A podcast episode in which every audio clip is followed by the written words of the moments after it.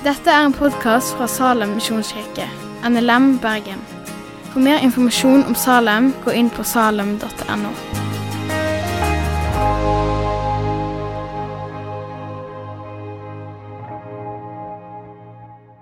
God kveld, alle sammen. Jeg heter Kristian, jeg er pastor i Salem, og jeg har ansatt broren min til å jobbe her, han òg. Det er iallfall det jeg spørsmålet jeg fikk når vi ansatte Gjermund, var liksom, du vet at du har ansatt deg sjøl. Eh, men vi prøver å være mangfoldige her i Salem nå. men det er klart at når jeg snakker Rogaland og har litt nasal stemme, så tenker pastoren i Salem Bergen at det er trygt. Vi driver på med Følg meg, en taleserie eh, om å være lærling hos Jesus. Jeg er pastor, jeg er fortsatt lærling hos Jesus. Um, det handler om å bli som Jesus. Det handler om å gjøre som Jesus, og det handler om å være med Jesus. De av dere som ikke har vært her de to eh, foregående lørdagene, så kan jeg anbefale dere eh, podkasten vår for å liksom eh, koble dere på første del av taleserien. Og så skal vi ha den utover høsten. Det handler om å følge Jesus og leve det livet som han levde. Jeg har lyst til å bli som Jesus. Men det er et veldig gap ned til fra ønske og drøm til virkelighet i mitt liv. Og Sånn er det òg når jeg ser spreke folk. Jeg har lyst til å bli en sånn som springer med sånn two, two times you tights. Men det er et veldig gap til virkeligheten. Men det er fordi at det gapet der handler om livsstil. De som springer med two times you tights, de spiser havregrøt og chiafrø ikke chips og dipp. De har brukt koronatida til å trene.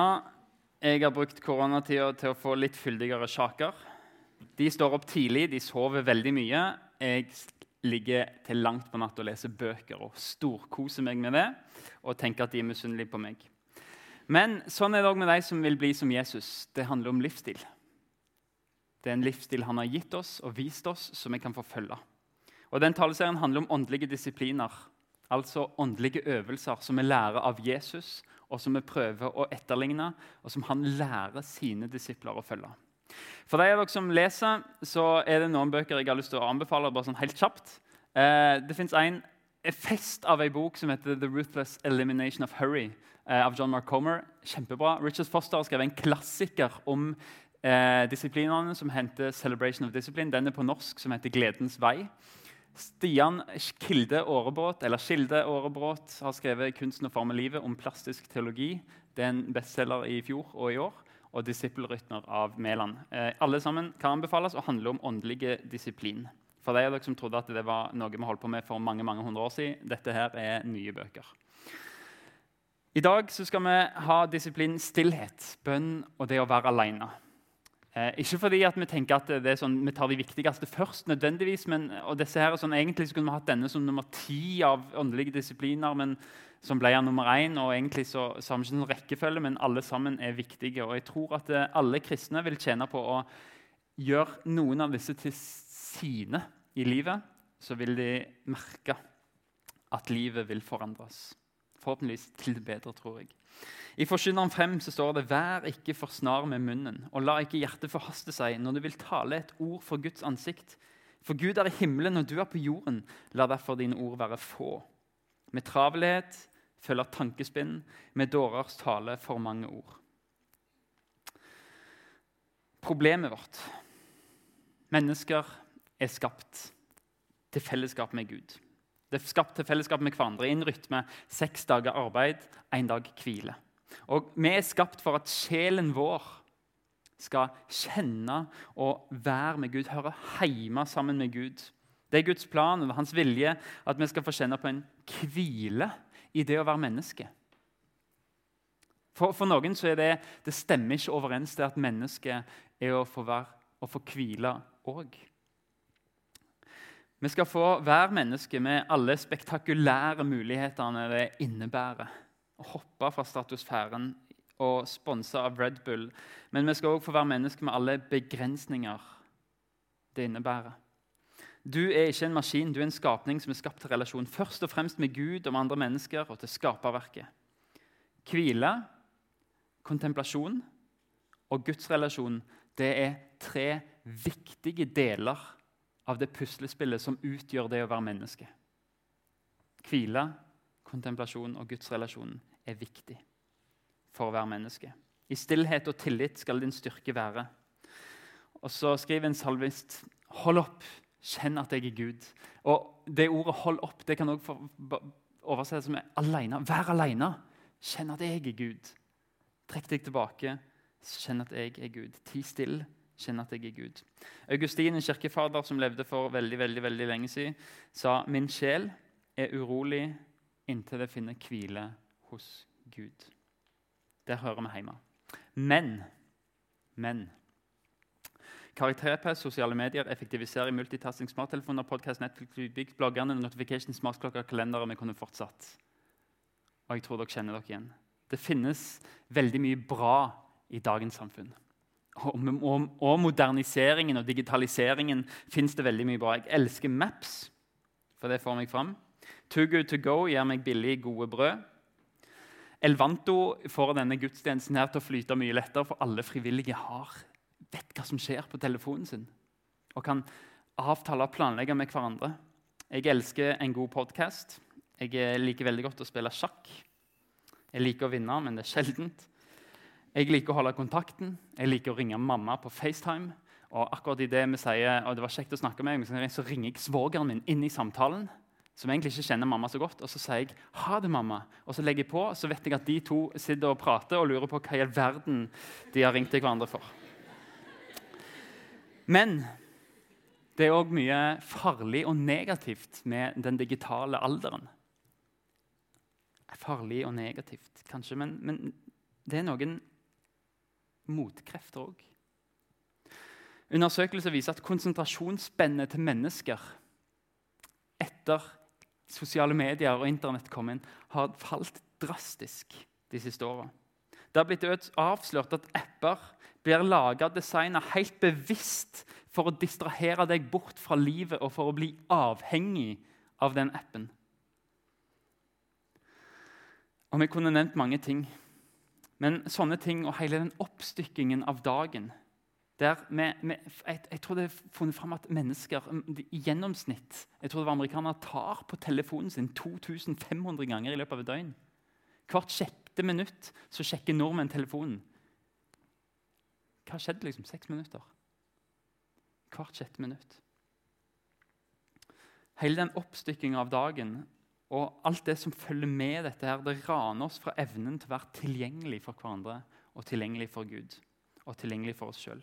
Og Resultatene er skremmende i mange tilfeller. Nå er det ikke bare digitaliseringen, men, men hele den moderne verden. så er det dr. Susanne Coven, som er eh, doktor i internmedisin i Boston, skriver In the past few years I've observed, observed an epidemic of sorts. Patient after patient suffering from the same condition. The symptoms of this condition include fatigue, irritability, insomnia, anxiety, headaches, heartburn, bowel disturbances, back pain, and weight gain. There are no blood tests or x rays di diagnostics of this condition, and yet it's so easy to recognize. The condition is excessive busyness. Det at vi er så travle, at det skjer så mye hele tida, det viser seg i dårligere helse. Noe av det moderne samfunnet er gift for sjelen vår. Tempoet. Mangelen på pause, på hvile, på stillhet og ettertanke. Fatigue og stress blir en ny normal fordi de beste er de som er de neste. Og det preger kristenlivet vårt. Michael Sigarilli gjorde en undersøkelse. Dere trenger ikke huske navnet. Eh, 20 000 kristne rundt omkring hele jorda ble spurt om hva er den største distraksjonen din i kristenlivet. Og Svaret var ikke sekularisme, svaret var ikke ateister og deres argumenter. Det er ikke vitenskap, ikke sykdom, ikke fattigdom, ikke tvil. Men de aller, aller, aller fleste svarte det som i undersøkelsen kalles 'business and constant overload'. Det var den største faren for kristenlivet. Og han sier, beklager, men på engelsk igjen, rogalandsengelsk It may be the case that one Christians are assimilating to a culture of busyness, hurry, and overload, which leads to two, God becoming more marginalized in Christians' lives, which leads to three, a de deteriorate. In the beginning, deteriorating relationship with God, which leads to four Christians becoming even more vulnerable, vulnerable to adopting secular assumptions about how to live, which leads to five more conformity to a culture of business, hurry, and overload. And then the cycles begin again.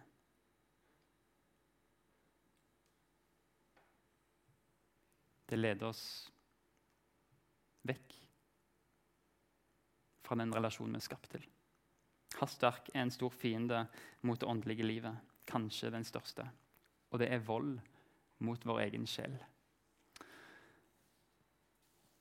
Ei som heter Ruth Haley Barton, har skrevet en bok som heter 'Strengthening, Strengthening the Soul of Your Leadership'.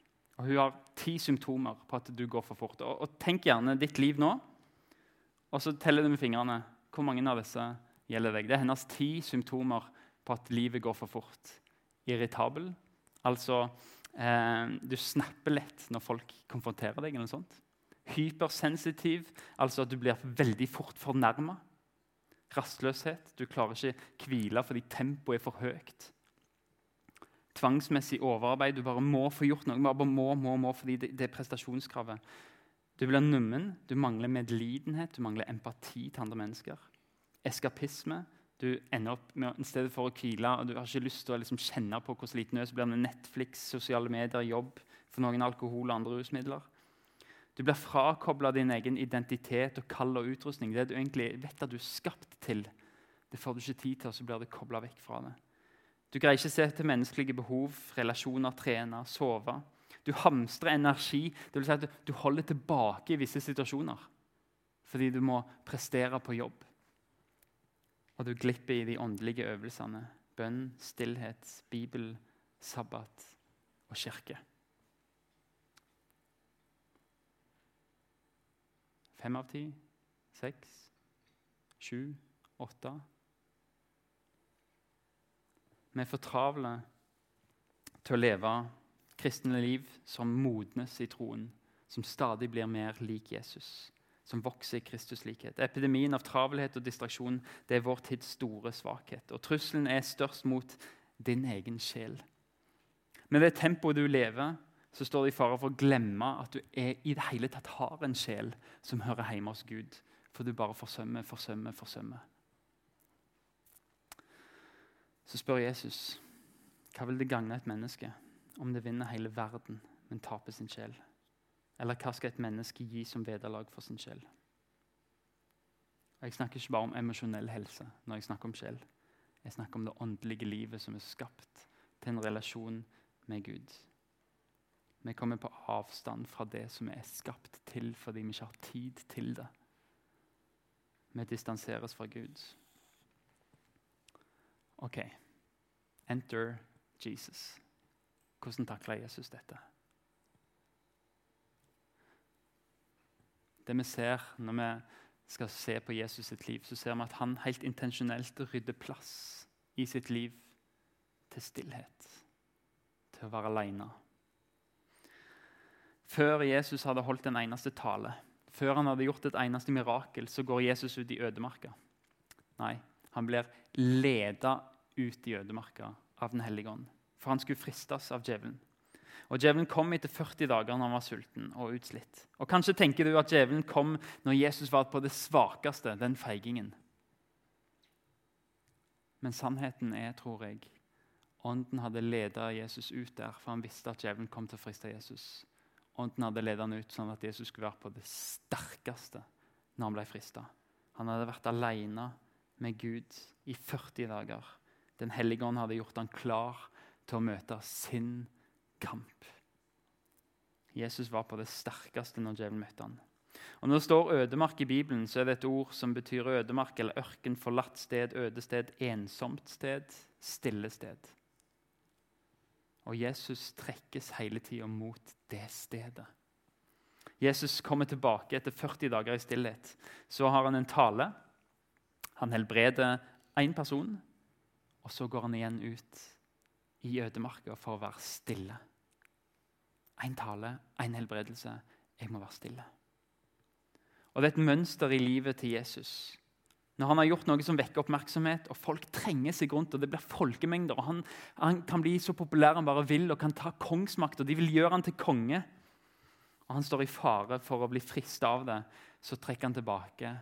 Og så sier han hei, dette handler ikke om meg, Gud. Jeg trenger å være alene med deg, for det handler om deg og meg. Dette, denne relasjonen er mye viktigere enn hva de syns om meg, og hva de tenker om meg. I Lukas, 15, nei, Lukas 5 leser vi men ryktet om han spredde, det var en helbredelse, men ryktet om han spredde seg bare enda mer, og store flokker strømmet til for å høre han og bli helbredet for sykdommene sine. Men selv trakk han seg ofte tilbake til løde steder og ba. Jesus valgte stillhet òg. Før han skulle ta et stort, viktig valg og velge tolv apostler, så går han for å være alene og stille. Og når han ofte skal gi disiplene hvile, så tar han dem med til ødemarken, til et stille sted. Og hvil dere litt, sier han. Han sender dem òg fra seg av og til for å være alene. Sine beste venner så sier han nå har det skjedd så mye her, dere, dere må bare gå i båten på andre sida. Jeg trenger å være her alene. Og Så gjør han et brødunder, mette 5000. Og så står det de som hadde spist, var omkring 5000 menn, utenom kvinner og barn. Straks etter fikk han disippelen til å gå i båten og dra i forveien over til den andre siden, mens han selv sendte folk av sted. Da han hadde gjort det, gikk han opp i fjellet for å være for seg selv og be.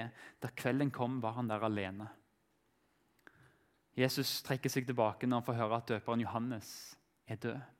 Trekker seg tilbake til stillhet. Ofte så hadde han Peter, Jakob og Johannes som han ofte trakk seg tilbake med. Og Før sitt viktigste arbeid på Golgata, når han skulle dø på korset, så trakk han seg tilbake og var alene sammen med Gud. Så sier Jesus, 'Kom til meg, alle dere som strever og bærer tunge byrder. Jeg vil gi dere hvile.' Ta mitt åk på dere og lær av meg, for jeg er mild og ydmyk av hjerte. Så skal dere finne hvile for deres sjel. For mitt åk er godt, og min byrde lett. Kom til meg, alle som strever og bærer tunge byrder. Jeg vil gi dere hvile. Hvor mange er det som kjenner en disconnect mellom det Jesus lærer i dette verset, og det dere erfarer i livet?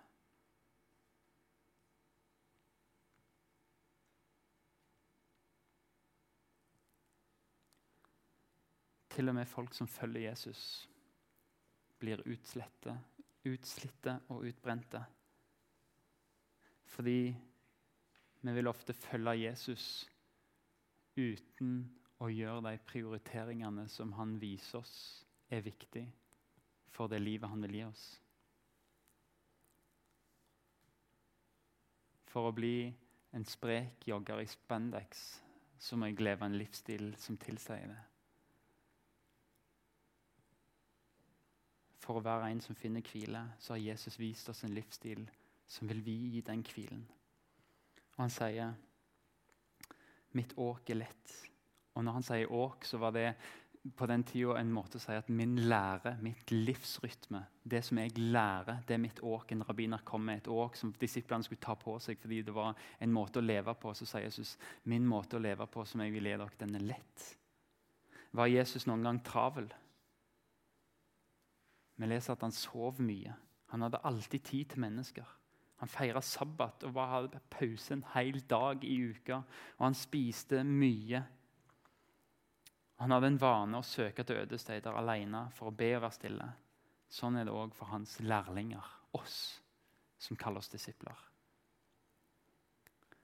Apostlene samlet seg igjen hos Jesus og fortalte ham om alt det de hadde gjort, og alt det de hadde lært folket. Og han sa til dem, 'Kom med meg til et øde sted hvor vi kan være alene, og hvil dere litt.' For det var så mange som kom og gikk at de ikke fikk tid til å spise engang.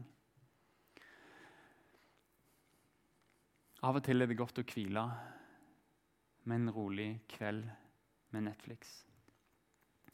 Men når det kommer til det overordna i livet ditt, og det tempoet som er så høyt, og det som definerer hele livet ditt, så trenger ikke du Netflix. Du trenger ikke en rolig kveld. Du trenger å være med Jesus. Vi trenger regelmessige pauser med Gud for å fjerne oss fra hverdagen og det rundt oss, sånn at vi kan oppnå den stillheten og konsentrasjonen som gjør at vi kan si til Gud OK, Gud, du har alltid vært her. Nå er jeg òg her. Nå er vi her.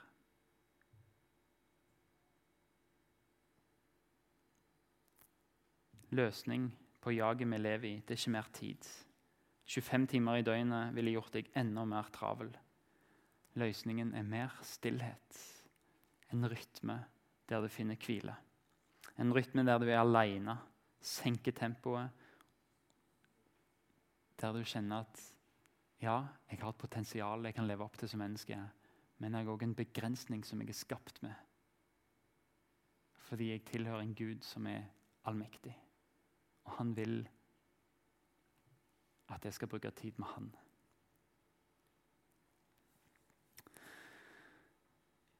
Praksisen, den åndelige disiplinen, det som jeg ønsker å, å gi til dere som et verktøy, det er stillhet og alenehet.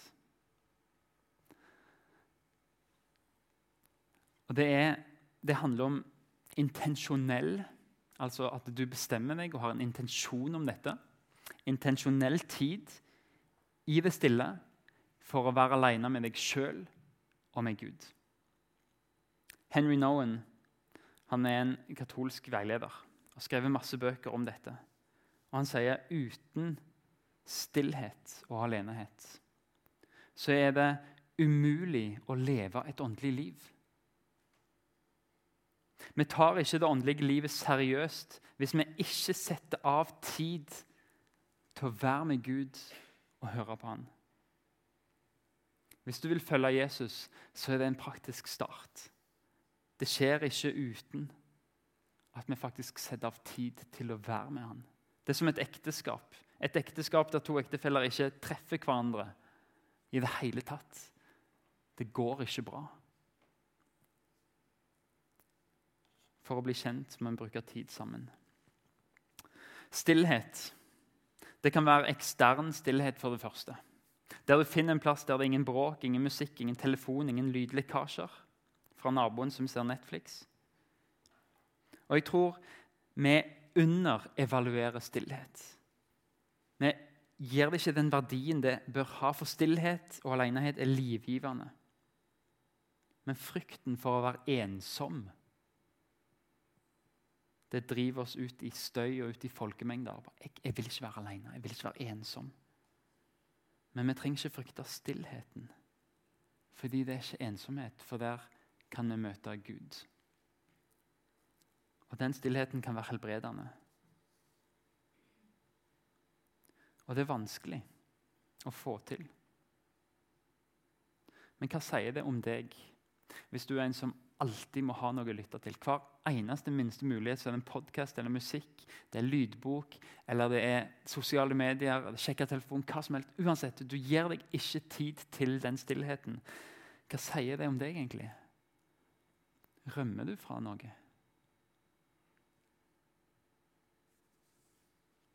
For den eksterne støyen er én ting, men det fins mye intern støy. Dine følelser, dine bekymringer, din skyld, som med en gang det blir stille rundt deg, bare skyller opp i deg. Skammen som du tror definerer deg. Sinnet ditt, fantasiene dine, hatet ditt, misunnelsene.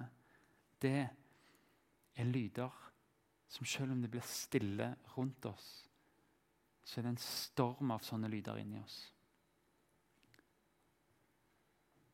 Og i stillhet så får vi jobbe med disse tinga. Vi får dem til å bli stille foran Gud når han får møte oss med sine sannheter. Og våre følelser får en korrigering og sier ja, men, men hør hva mitt ord sier. For hva bruker vi stillheten til? For det første Forståelsen din av bønn blir utvida. Vi trenger på ingen måte å skjule våre følelser når vi kommer fram for Gud. Det er salmene et bevis på. For Forfatterne i Salmenes bok de, de skjuler virkelig ikke sine følelser for Gud. Å, bare måtte du drepe mine fiender. Og Det er ganske mange drøye bønner i Salmens bok. Jeg vet ikke om du har tenkt over alle de vanskelige bønnene. Skal ikke gå gjennom de nå. Men David ber om, til Gud om sine fiender. og Det er ikke hyggelige bønner, men de er dønn ærlige. En som heter Luigi Gioia, en benediktermunk, har skrevet en bok som heter 'Say to God'. og Han lærte meg masse om bønn. Han, Han, sier, han begynner bønnen med å si til Gud Gud, dette er meningsløst. Jeg har så mye annet å gjøre. Det å være stille her med deg, Gud, det er totalt meningsløst. Han sa jeg har bedt den samme bønnen hver dag i 27 år. Det er meningsløst å være her, Gud. Det er sånn det føles ut nå. Samme følelsen hver gang etter 27 år, sier han. Men han er ærlig. Men så sier han jeg bestemmer meg for å be, og så kommer jeg til bønnen og erfarer gang på gang at det er en samtale med en jeg er glad i. Han gir meg fred. Han kommer med alt jeg har på hjertet i øyeblikket jeg ber. Frustrasjon, sinne, håpløshet, glede, klage, begjær. Men når jeg ber, så er jeg med Gud. Han elsker meg, og han får hjertet mitt til å brenne for han. Han leger sinne, han leger irritasjon, håpløshet. Han er svaret på alle mine følelser. Det vil si at stillhet kan skje ganske spontant. Eller at den bønnen kan skje ganske spontant. Midt i det du gjør. Det som vekker følelser i deg, det kan bli til bønn. Når du er på bussen og et barn som gråter og gråter, og du blir mer og mer irritert, så er det en følelse som kan minne deg om at Kom til Gud med det. Be for barnet og for mora. Når du står midt i en fristelse, og det rører opp i deg, eller når du blir sinna og du kjenner at du blir sint, så er det en invitasjon fra Gud til å si 'Kom til meg med det'. David sier 'Jeg hater mine fiender med et intenst hat'. Og Så sier folk at det er en dårlig tanke, David. Det er kanskje det, men når du kommer til Gud med det, så er det en ærlig bønn. Helt ærlig. Du forteller ham hvordan du har det. Alt kan bli til en bønn. Alt tre, alt treverk, til og med det som er råttent og gammelt og ikke ser noe særlig ut, det kan få et bål til å brenne. Og mest av alt de tørre og gamle og hverdagslige trebitene. Og Hvis vi lærer av salmene og gjør følelser om til bønn, så vil de oppdage i det stille rommet med Gud at bønn kan se ut som en flom av følelser. Der han får møte det og si ja, men 'Jeg elsker deg. Jeg elsker deg. Jeg elsker deg'. Du trenger ikke bli klar til å be. Du kan komme til Gud akkurat sånn som det er her og nå. Han elsker deg med de følelsene du kommer med. Og så har han gitt deg et verktøy i følelsene dine, sånn at du kan komme til han og lette på trykket. Det er sånn han har skapt deg, fordi han vil minne deg på om at du kan komme til meg med det. Forståelsen din av bønn blir utvida. Men så tenker vi kanskje allikevel ja, men jeg er fremdeles litt redd for de følelsene som, som kommer opp i meg med en gang jeg blir stille. Skylden, skammen, men den andre tingen vi bruker stillheten til, det er at ordet preger deg. Bibelen får prege deg. Det finnes en ganske likegyldig og avvisende holdning til stillheten, som sier ja, men det er mystisk, det er bare mindfulness med et kristent fortegn. Her blir egentlig stillheten feiltolka til å være et sånn høytidelig påfunn, et mystisk ønske om å bare liksom komme seg forbi Bibelen. At det er noe mer enn Bibelen som teller. Men det er feil. Stillhet, som vi snakker om som en åndelig dimensjon, en åndelig disiplin, det er ganske enkelt at du blir stille, og du grunner over Guds ord. Tankene dine blir retta mot sannhetene som du leser i Bibelen. Du stiller etter å ha hørt ordet, fordi ordet ennå taler i deg, lever i deg og slår rot i deg. Vi stiller helt i begynnelsen av dagen fordi Gud skal ha det første ordet. Og vi stiller før vi legger oss til å sove fordi det siste ordet òg tilhører Gud. Vi stiller bare for Guds ords skyld. Vi er ikke stille for å vise forakt for å si at det må være noe mer her inni oss. det må finnes noe mer. Men det er dette som er grunnlaget for stillheten. Vi er stille for å gi akt på det, for å ta imot det og for å grunne på det.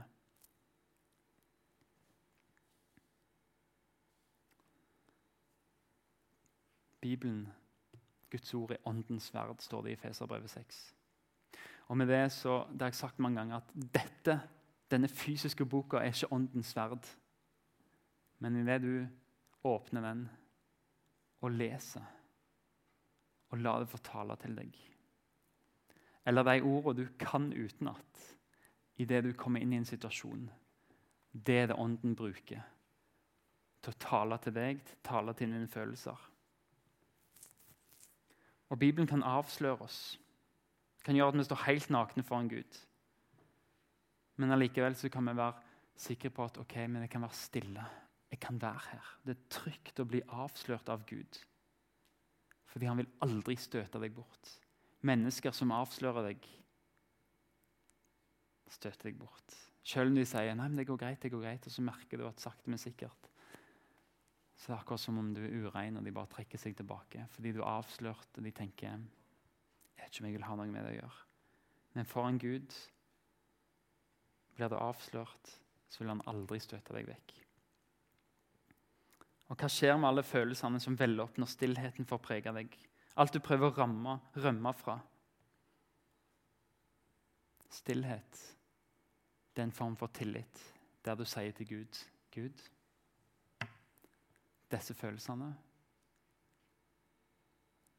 Jeg er her sammen med deg. Jeg har tillit til at du ikke støter meg vekk, selv om du kjenner mine følelser. Alt som veller opp i meg nå. Når det blir stille. Frykten, skylden, skammen.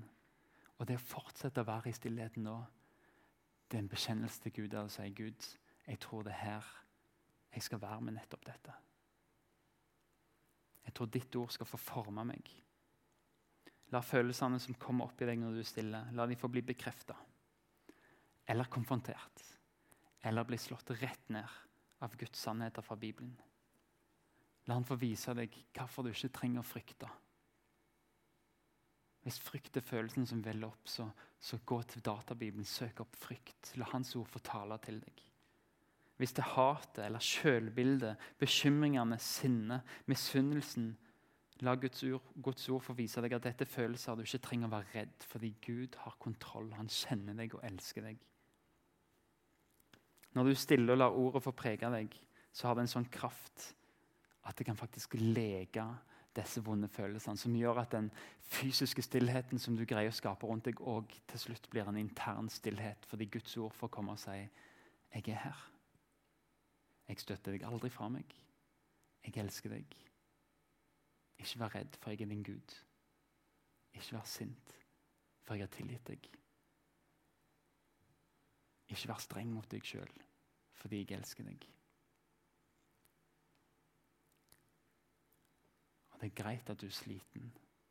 Jeg er her for at du skal få hvile. Jeg skal lede deg inn til hvilens vann, der du får spise og drikke.